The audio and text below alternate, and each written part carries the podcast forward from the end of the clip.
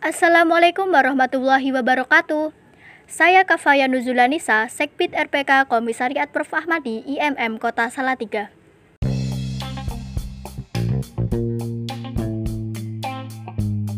Di mana pun gerakan mahasiswa berada, pasti senantiasa ada peran yang signifikan dan strategis dalam mewujudkan sebuah perubahan besar. Contohnya, kelahiran Ikatan Mahasiswa Muhammadiyah yang merupakan sebuah keniscayaan sejarah. Karena untuk mewujudkan sebuah perubahan membutuhkan adanya penggerak atau aktor perubahan yang lahir dari rahim sejarah itu sendiri. Anggun dalam moralitas, unggul dalam intelektualitas, bukanlah sekedar jargon organisasi saja, melainkan nilai mulia yang harus tertanam dalam diri setiap kader sebagai identitas.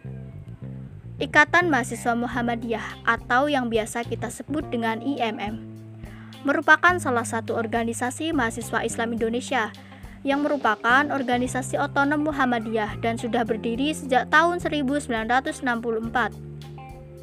Organisasi kemahasiswaan ini dipelopori oleh Bapak Muhammad Jasman Al-Kindi sebagai pendiri Pondok Perkaderan Muhammadiyah yaitu Pondok Hajah Nuriyah Sobron.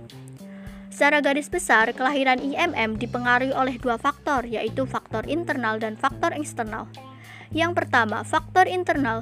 Faktor internal ini lebih dominan ke motivasi idealisme, yang mana motif untuk mengembangkan ideologi Muhammadiyah yaitu paham dan cita-cita Muhammadiyah itu sendiri seperti yang termaktub dalam AD Muhammadiyah pasal 2 bab 3. Hakikatnya, Muhammadiyah sebagai sebuah organisasi kemasyarakatan berbasis Al-Quran dan Al-Hadis bertujuan untuk menegakkan dan menjunjung tinggi agama Islam sehingga terwujud masyarakat utama, adil dan makmur yang diridhoi Allah Subhanahu wa taala. Cita-cita ideal ini mengharuskan Muhammadiyah untuk mampu memasuki kehidupan umat, termasuk di dalamnya juga kalangan mahasiswa. Muhammadiyah berpendapat bahwa kehadiran organisasi kemahasiswaan yang didirikan di luar Muhammadiyah kala itu sebagai organisasi mahasiswa Islam masih terlalu terbuka dengan berbagai macam paham keagamaan yang dibawa oleh masing-masing anggotanya. Hal ini tidak memungkinkan bagi organisasi tersebut untuk membawa misi pencerahan dakwah amar ma'ruf nahi mungkar.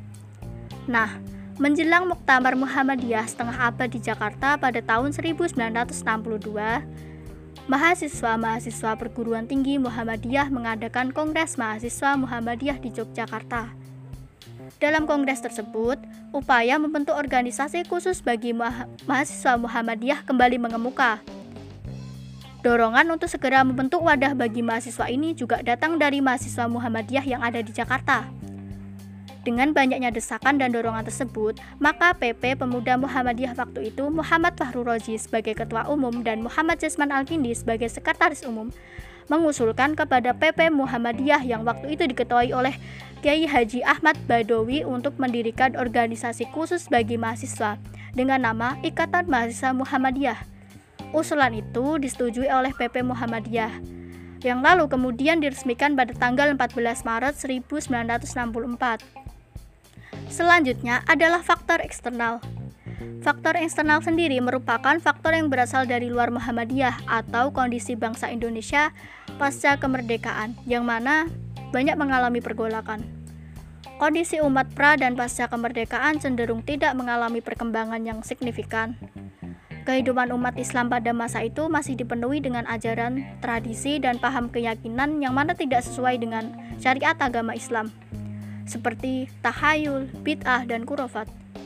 Lalu, sementara itu dalam kehidupan berbangsa dan bernegara masih terancam oleh pengaruh ideologi komunis, seperti keterbelakangan, kebodohan, dan kemiskinan. Salah satu organisasi kemahasiswaan berbasis Islam yang sudah berdiri kala itu telah berusaha menunjukkan eksistensi dirinya sebagai bagian dari kekuatan gerakan perubahan. Namun, tetap saja organisasi tersebut terus menjadi sasaran PKI untuk dibubarkan, seperti halnya dengan organisasi-organisasi mahasiswa lainnya. Oke, sekian dari saya. Sorry kalau kepanjangan dan sampai jumpa di episode berikutnya.